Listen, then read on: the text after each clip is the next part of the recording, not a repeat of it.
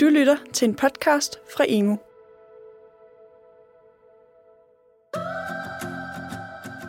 Har du nogensinde prøvet at stå som lærer eller pædagog i en klasse, hvor alarm og konflikter havde overtaget lokalet, og du stod tilbage med en følelse af at være magtesløs? Så er low arousal tilgangen, som handler om netop konflikthåndtering, måske noget for dig. Vi gennemgår tilgangen og en skoles erfaring med at anvende den i denne udgave af Veje til Inklusion. Jeg har denne gang talt med Jakob Lenz, som er specialpædagogisk konsulent. Jeg hedder Jakob Gerb Lenz, jeg er oprindeligt uddannet skolelærer, og det jeg øh, har rodet med de sidste øh, cirka 10 år, det er low arousal tilgangen. Og så har jeg også været en tur ud på en skole for at tale med Stine og Annie. Jeg hedder Stine og er uddannet lærer og er klasselærer i 6. C. Jeg hedder Annie, og jeg er uddannet pædagog. Jeg har CDC til understøtte undervisning samt idræt. Af hensyn til klassens elever, så bliver Stine og Annie i denne podcast kun nævnt med fornavn, ligesom navnet på skolen heller ikke vil blive nævnt. Mit navn er Simon Brix, og du lytter til Veje til Inklusion. Stine og Annie fortæller, at deres 6. klasse i en årrække har været udfordret både fagligt og socialt, og at dette nogle gange har gået ud over læreren og pædagogens ellers godhjertet forsøg på at skabe sunde rammer for en god undervisning. Da de gik i 5. klasse, der var der øh, mange konflikter. Ikke bare forholdsvis, men der var utrolig mange konflikter i klassen. Øh, og nogle af dem førte til øh, meget fysiske konflikter.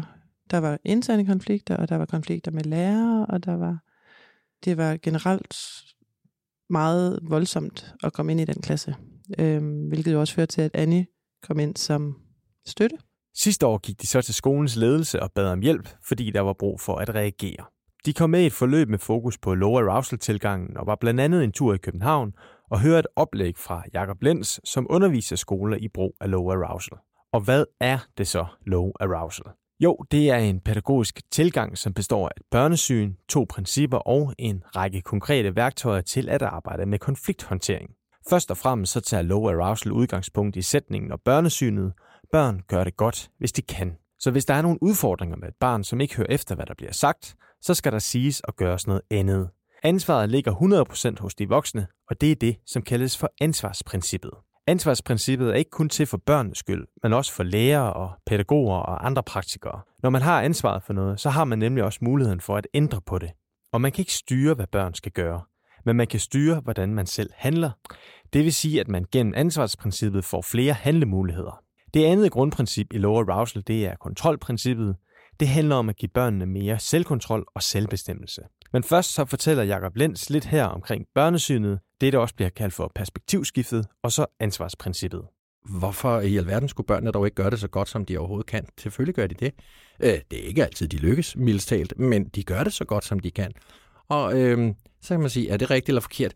Ja, det ved vi i virkeligheden ikke. Men det vi ved med helt stor sikkerhed, det er, at hvis vi arbejder efter den her, det her mantra, det her menneskesyn, at de gør det så godt, som de kan, så bliver vores arbejde lettere som lærer og pædagoger. Når vi laver det her, vi kalder for perspektivskiftet, vi går fra at tro, de gør det godt, hvis de vil, til at de tror, de gør det godt, hvis de kan, så bliver vores arbejde lettere, og vi får mindre en problemskabende adfærd. Og hvordan kan det være? Ja, det er i sidste ende, fordi at vi bliver dygtigere til at tage ansvaret på os. Og det er her, hvor det handler om, at vi skal gå ind og tage ansvaret for de her situationer. Hvis barnet øh, vælter et bord og kaster om ting, så skal vi tage ansvaret. Og når jeg siger det, så er der nogle gange nogle lærere, der går og siger, hvad for noget? Hvad skal vi? Men det er, fordi jeg ikke har tydeligt gjort nok, så er ansvar, det er fremadrettet. Ansvar, det handler om, når noget går galt om mandagen, så skal vi sige, hvad gør vi anderledes tirsdag? Det er garanteret ikke ham, den 10-årige dreng med adfærdsproblematikker eller ADHD eller hvad det kan være, som kommer til at lave en ny pædagogisk ramme. Det skal vi gøre dagen efter. Og jo sværere de børn er, vi arbejder med, jo lettere er det at komme til at tabe ansvaret. For Stine og Annie, der gav perspektivskiftet og de voksnes ansvar rigtig fin mening. Det er ikke som sådan nogen ny tænkning for dem, men det var fint med en reminder. Noget af det første, de snakkede om omkring low arousal, det var jo perspektivskiftet, altså det, at børn gør det godt, når de kan. Øh, og at der ikke er nogen af de her børn, der, der vil skabe konflikter. Det er, øh, det, altså det handler jo om øjnene, der ser.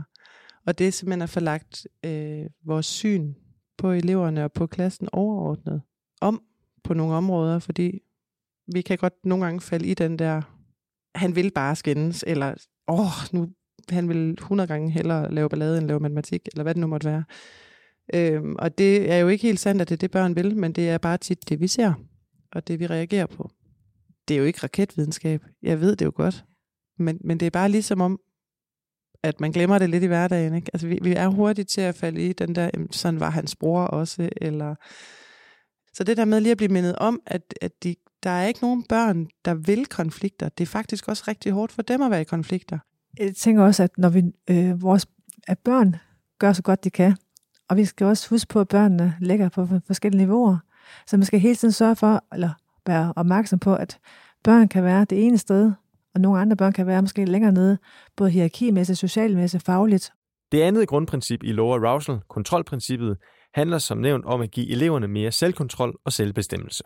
Når man mister sin selvkontrol, så er det jo der, hvor børnene øh, kaster med ting, øh, smadrer møbler og øh, smadrer vinduer osv. Der er ikke nogen af os, der er interesseret i at komme derind. Børnene lærer ikke noget. Vi øh, lærer og pædagoger, vi bliver stressede, vi bliver magtesløse og risikerer udbrændthed osv. Så, så det er simpelthen for øh, kan man sige, nå det, der står i folkeskoleloven, og det er, at vi skal lære børnene en masse forskellige ting. Hvordan er det, man kan give eleverne øh, selvbestemmelse? Den øh, første og bedste måde simpelthen at give børnene en oplevelse af selvbestemmelse på, det er ved at give dem valgmuligheder siger, åh, oh, ved du hvad, vi skal have lavet noget matematik. Vil du lave opgave 7, eller vil du lave opgave 8 først? Det øjeblik, vi giver dem en valgmulighed, så føler de, de bestemmer, de styrer, og de har kontrollen. Og det er dem, der bestemmer og styrer og har kontrol. Men inden for en ramme, vi har stillet op jo. Det er jo ikke øh, frit valg på alle hylder. Så der går vi over, og så giver vi den her, øh, kan man, de her valgmuligheder, og så bliver det lettere for dem. Jeg skulle have min datter i, til at gå ud til sin kanin den anden dag, og så siger jeg til en skat, vil du gå ud kvart over syv eller halv otte? For øh, hvis jeg har sagt, du skal gå ud halv otte, så skulle vi have diskuteret det. Nu siger jeg kvart over syv eller halv otte, så vælger hun halv otte. Og så er virkeligheden, så går hun derud øh, øh, 7, 1932, ikke? Og, og så er det virkeligheden så, men det, det, det er fint nok, ikke? Stine kommer her med et glimrende eksempel på en situation, hvor hun gav en elev mere selvbestemmelse. Hele efteråret har vi diskuteret meget, om hun skulle bruge Nota, når vi skulle læse frilæsning. Øhm, og så, så, så bestemte jeg mig for, at så sagde jeg til hende, prøv at høre her, nu går du ud og finder den bog, du allerhelst vil læse, og så læser du den, og når du er færdig med den, så skal vi finde en bog sammen på Nota, som du så skal have læst højt. Øh, og så, så har jeg fået lidt, og du har fået lidt. Og så gik hun ud og fandt en bog på, det ved jeg ikke, 400 sider ude på biblioteket, og sagde, jeg skal læse den her. Og så sagde jeg, det er det, du skal. Og så gik hun i gang med at læse den. Og så kom hun dagen efter, da hun havde læst de første tre sider, og sagde, at nu havde hun fundet den på Nota, og var klar til at gå i gang med at lytte den, øh, eller lytte læse. Og der er 100% sikkert hende, der synes, at hun havde taget den beslutning, at øh, den vil hun gerne læse på Nota. Det der med, at hun selv kan få lov til at tage nogle beslutninger, det betyder bare alt netop for hende. Så det er jo sådan lidt den der, det er jo lidt den der pædagogiske kapital, som han også snakker om, Jacob Lenz, med, med altså, jeg bestikker eleverne lidt, ikke? Altså, det, det er sådan lidt, you give some, you take some. Altså pædagogisk kapital, det er en af de her helt konkrete metoder, som, øh, som vi arbejder med i, i low arousal tilgang. Om pædagogisk kapital, det kan siges på en anden og øh, ikke særlig pæn måde, fordi det er fuldstændig det samme som bestikkelse. Og når jeg siger bestikkelse og pædagogik, så er der sikkert nogen, der tænker, hvad for noget? Ja, hvad for noget? Men når Jacob Lensen siger bestikkelse, så mener han ikke bestikkelse i ordets oprindelige betydning. Han henviser til, at man som lærer eller pædagog kan sætte noget pædagogisk kapital ind på kontoen, inden eleverne de skal til at lave noget, som kan være svært at få dem til. Tanken er, at det ganske enkelt er nemmere at få dem til at sidde stille og læse i en faglig bog i 20 minutter, hvis man inden da har lavet en Kahoot-quiz eller noget andet sjovt. Og det, der er det gode ved at arbejde med pædagogisk kapital, det er jo nemlig, at det bliver en autonomistøttende metode, hvor vi kommer til at, kan man sige, vi laver en ramme, hvor chancen er så stor som muligt for, at eleven selv gør de her ting. Det, man kan, tit kommer til, som eller mange lærere, og, og som sker specielt meget på specialområdet, det er jo, at man bliver magtesløs, så så tyrer man til øh, mere lydighedsmetoder, som er de her belønningssystemer, som, øh, man så, som man så tager fat i. Og det er her, hvor øh, øh, folk kommer til at sige, når du har gjort sådan og sådan, så får du. Og øh, der ved vi altså med belønningssystemer, det er fuldstændig ligesom, øh, eller pædagogiske metoder, det er ligesom medicin. De er, øh, har en lang bivirkningsliste, og bivirkningen ved belønningssystemerne, den er alen lang. Så som udgangspunkt, så skal man holde sig for det.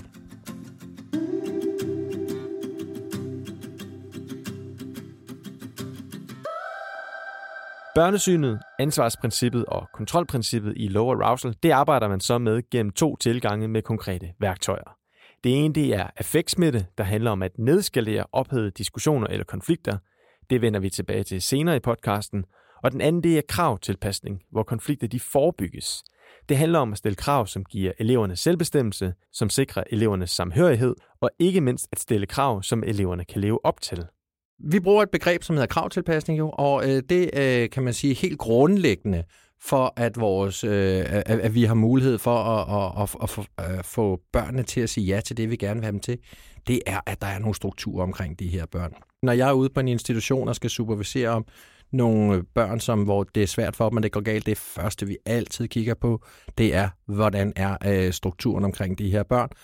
Og problemet er, at rigtig tit så øh, er den ikke så stærk, som vi godt kunne tænke os, og den bliver øh, for overflade, og måske er det øh, os voksne, som egentlig synes, at den er der helt styr på den her struktur, men hvis vi kigger fra børnenes perspektiv, så er den ikke særlig tydelig. I low arousal tilgang, så taler vi om struktur på forskellige, øh, forskellige kategorier af struktur. Og den første, vi har, det er øh, geografiske strukturer.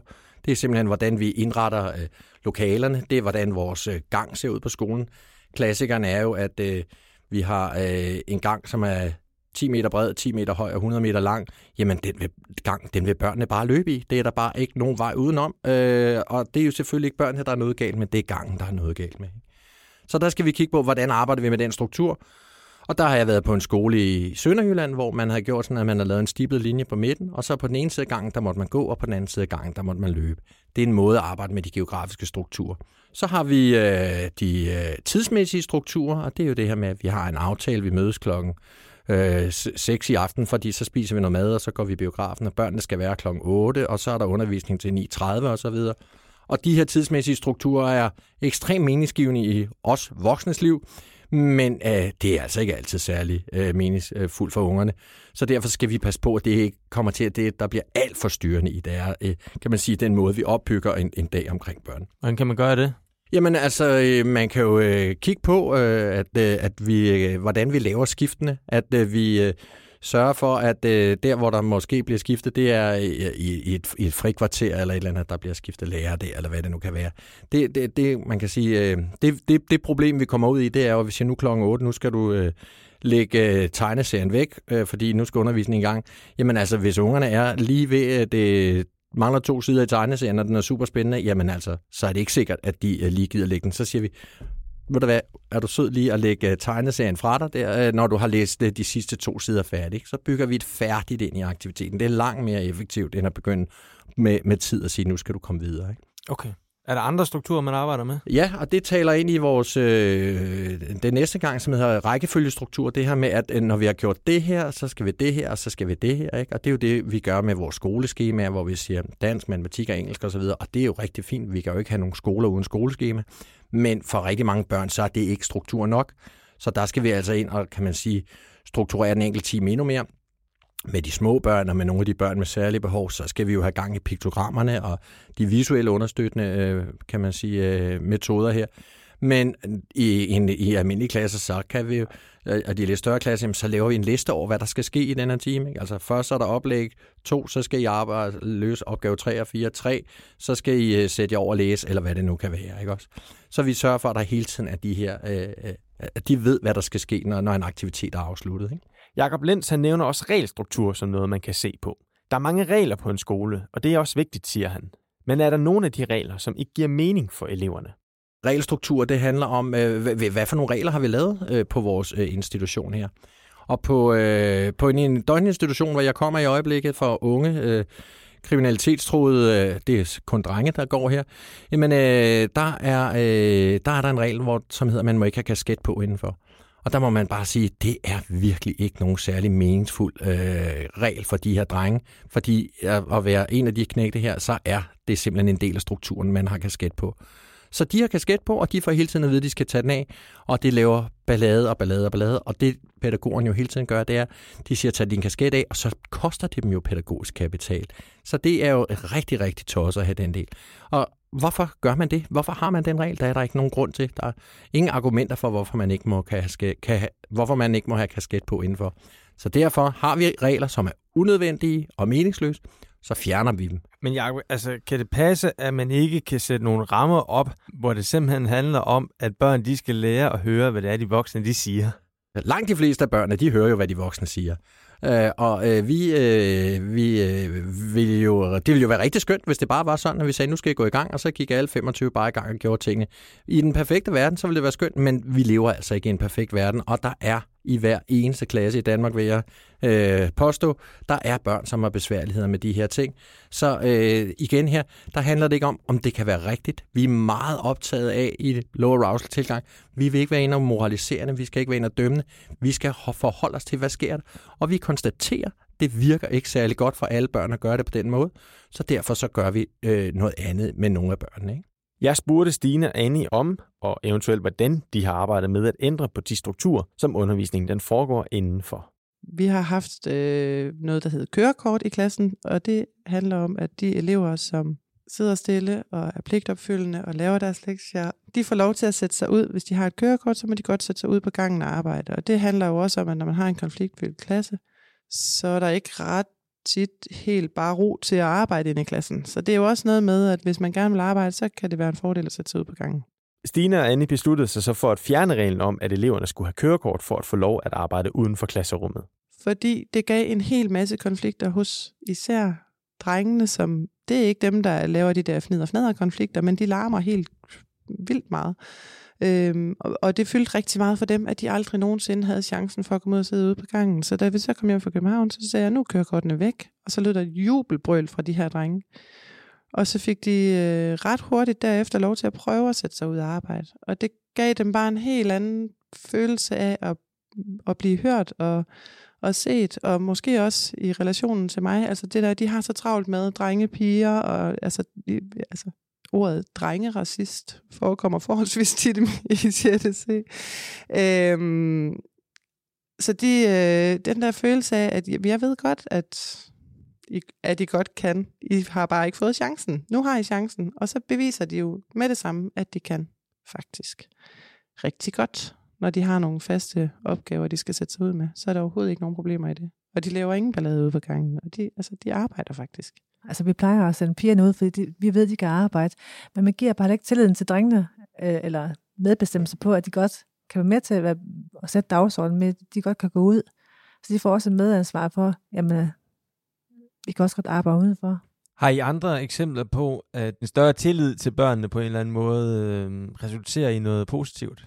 Jeg har oplevet øh, til idræt en, en dag, hvor jeg var lidt presset i forhold til, at øh, de skulle dække øh, to timer alene, eller en, to klasser, en time alene, hvor jeg så går ind til CDC og giver nogle, øh, nogle ansvar for, at jeg lige er væk, og de skal selv gå ned øh, til idræt, og så kommer jeg der efterfølgende og fortæller dem meget ærligt og tydeligt, at jeg har tilliden, og jeg tror på, at, at de godt kan gå ned, uden jeg lige er med, og så mødes vi dernede. Og det gjorde de. Altså, man går derfra også, og du nok, man sådan skulderklapper dem virkelig og siger, ved hvad det er? Jeg går ind til jer først, for at lige fortælle jer, at jeg er, jeg er væk øh, de første 10 minutter, og så kommer jeg ned. Og der var ikke noget overhovedet, som gjorde, at øh, du ved, jeg er nervøs for, at øh, der var konflikter på vej ned, eller øh, skete ballade, men, og det gjorde det, der blev sagt. Og kom det bag på dig? Ja, jeg vil sige, at jeg, jeg blev positiv overrasket, og jeg, men jeg vidste godt, at det ville ske, fordi jeg havde sådan, altså jeg har op, altså nu har jeg været derinde efter nogle, et stykke tid altså, i klassen, så jeg kunne godt fornemme, at det, det, det stod jeg på. Og de skal også, altså, når man stoler på dem, så føler man også, ved de også godt, at... Men kunne du have gjort det for et halvt år siden? Nej.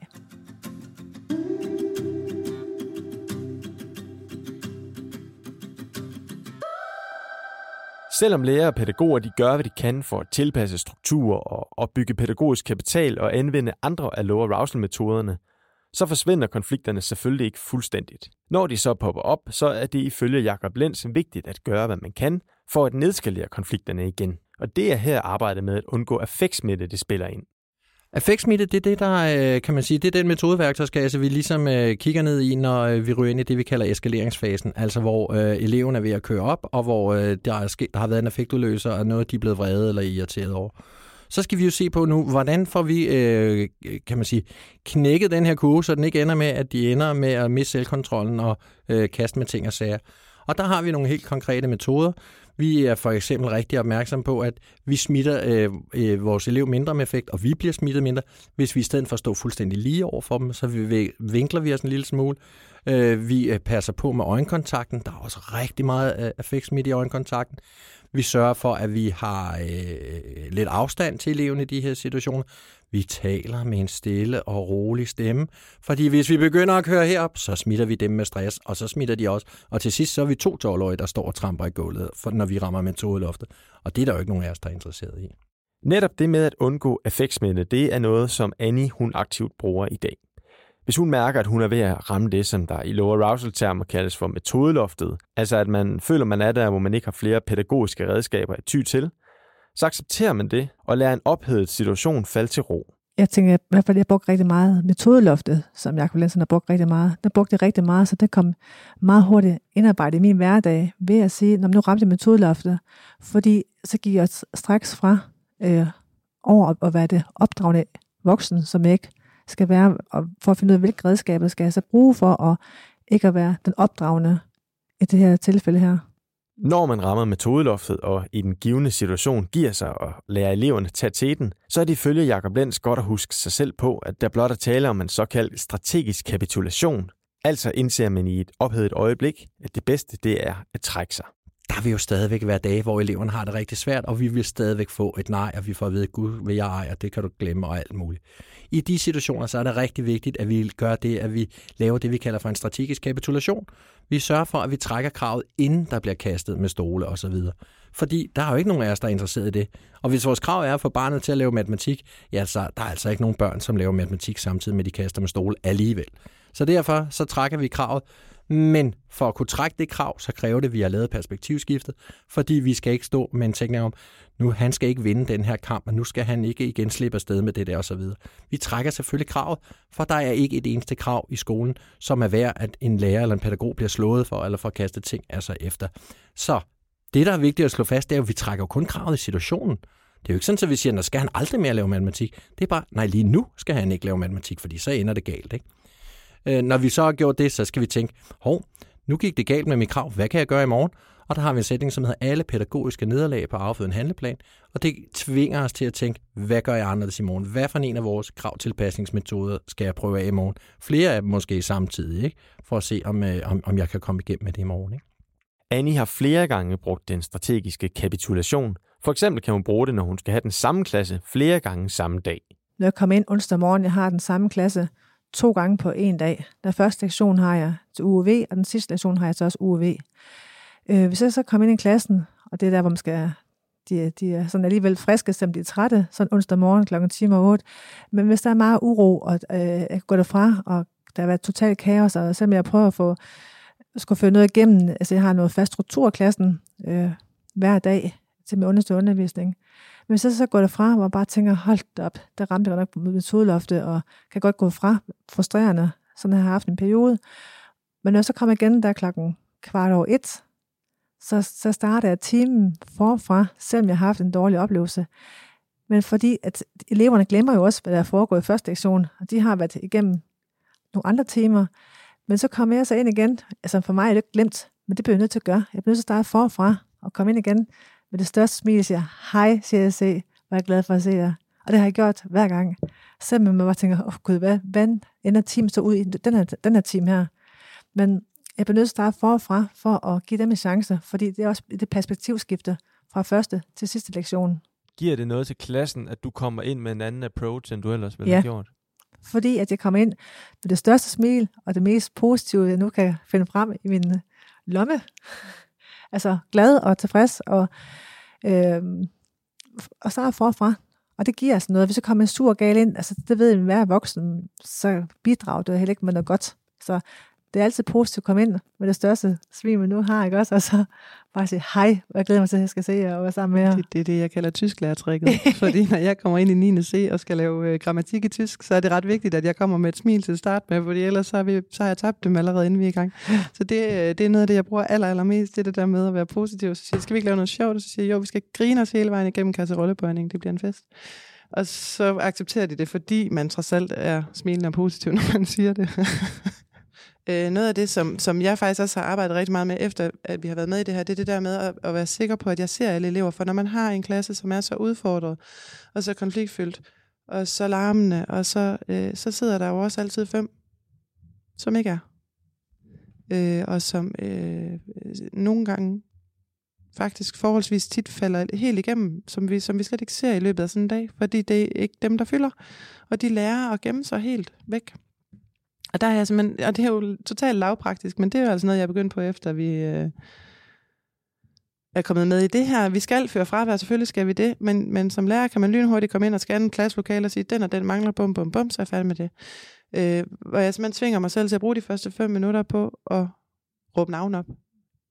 Også i 6. klasse, selvom jeg ikke behøver det egentlig. Men fordi så får jeg sagt, så får jeg øjenkontakt med samtlige elever, og vi får lige øh, nikket og sagt godmorgen, eller hvis jeg først kommer der i tredje time, så gør jeg det stadigvæk, fordi ellers så kan jeg simpelthen så nemt falde i den der med, at der har siddet nogen.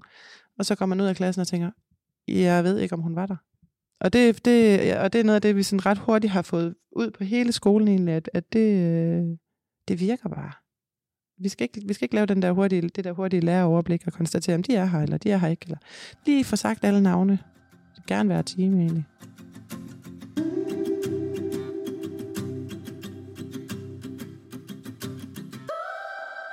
Hvilken rolle øh, spiller skoleledelsen, hvis det er, at man ønsker at sætte en proces i gang på en skole, hvor man arbejder ud fra low arousal-tilgangen? Det er rigtig vigtigt, at man øh, som ledelse siger, at øh, det her det er den måde, vi gerne vil arbejde på. Vi har ikke øh, metodefrihed. Man øh, kan ikke øh, bare gå ned i sin klasse, lukke døren og så skille ud på ungerne, og, og så er det sådan, vi gør det. Der skal man øh, som ledelse, efter min overbevisning, have lagt en linje ud og sige, at det er den her måde, vi vil arbejde på. Det, det kan være low arousal tilgang, det kan være andre måder på. Øh, det, er, det, det er ikke fordi, jeg siger, at alle skal arbejde med low arousal. Jeg vil synes, det var godt for alle børn og alle lærere og pædagoger. Men altså, selvfølgelig er, er der en, en frihed inden for det. Men øh, det, det dur simpelthen ikke det her med, at vi ikke rigtig har snakket om det. Fordi det, der bliver problemet, det er så ude i de lærerteams, hvor der er øh, to øh, øh, øh, øh medarbejdere, der har et forskelligt menneskesyn.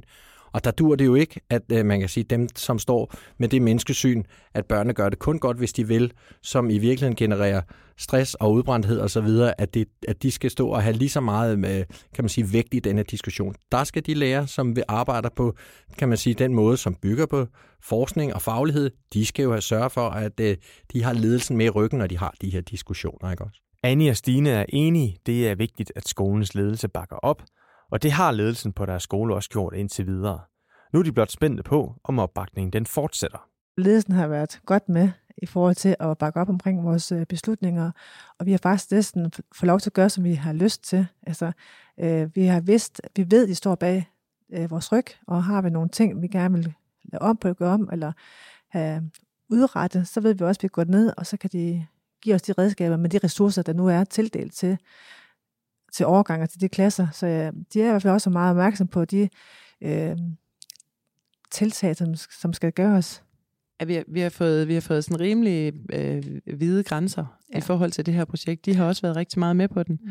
Indskoling, mellemtrin og udskolingslederen har siddet med i projektet også, og ved, hvad det handler om. Og er meget optaget af det også. Men nu er projektet slut.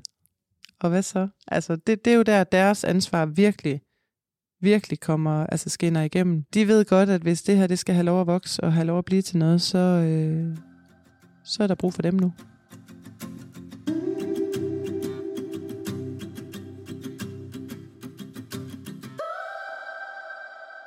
Hvad hører du, når du snakker med praktikerne? Hvad er det for nogle, nogle, nogle metoder, hvad er det for nogle elementer for low arousal, som de føler, at de kan, de kan bruge, og de, og de får rigtig meget ud af?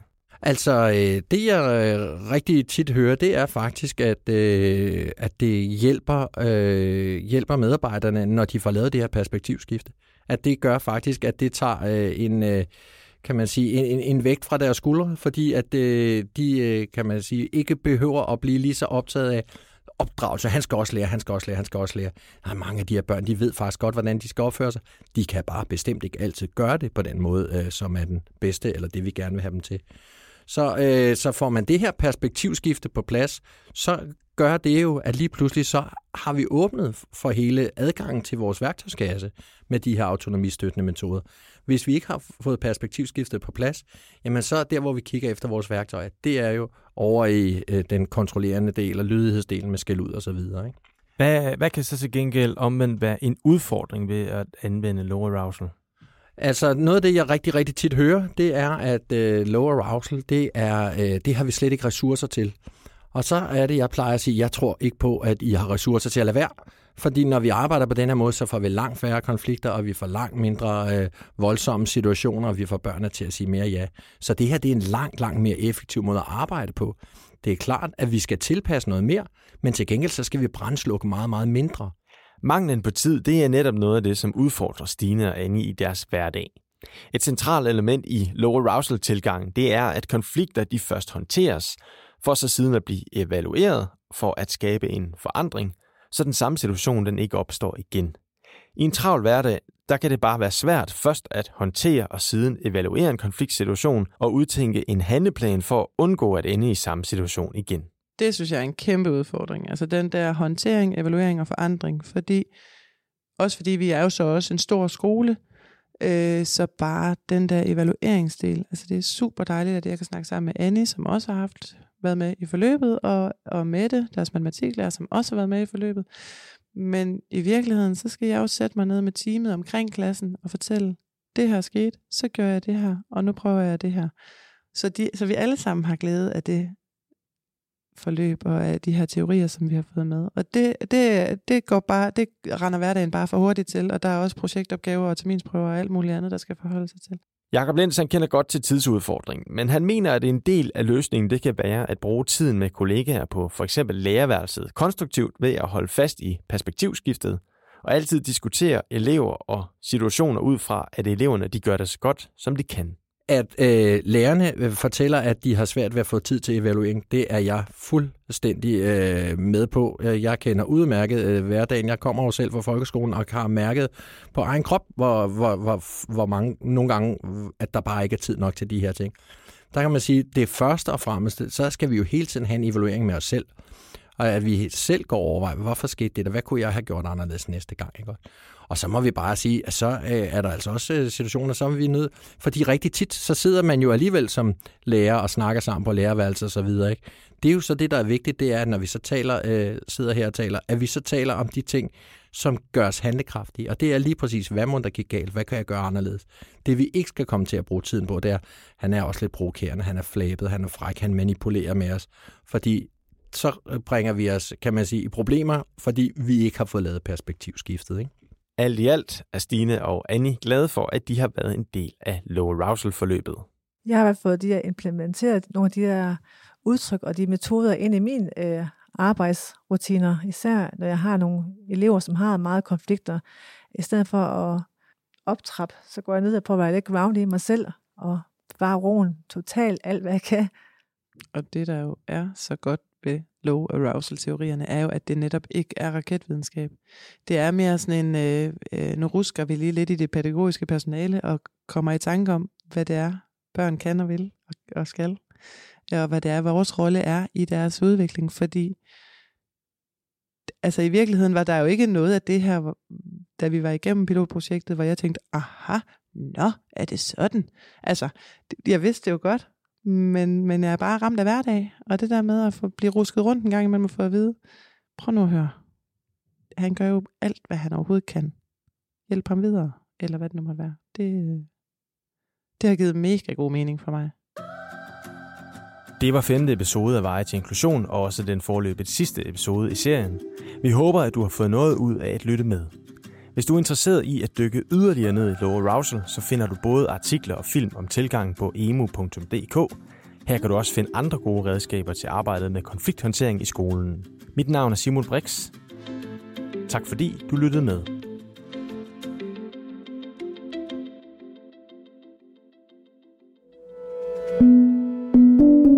Du har lyttet til en podcast fra Emu. Find mere viden og inspiration på emu.dk.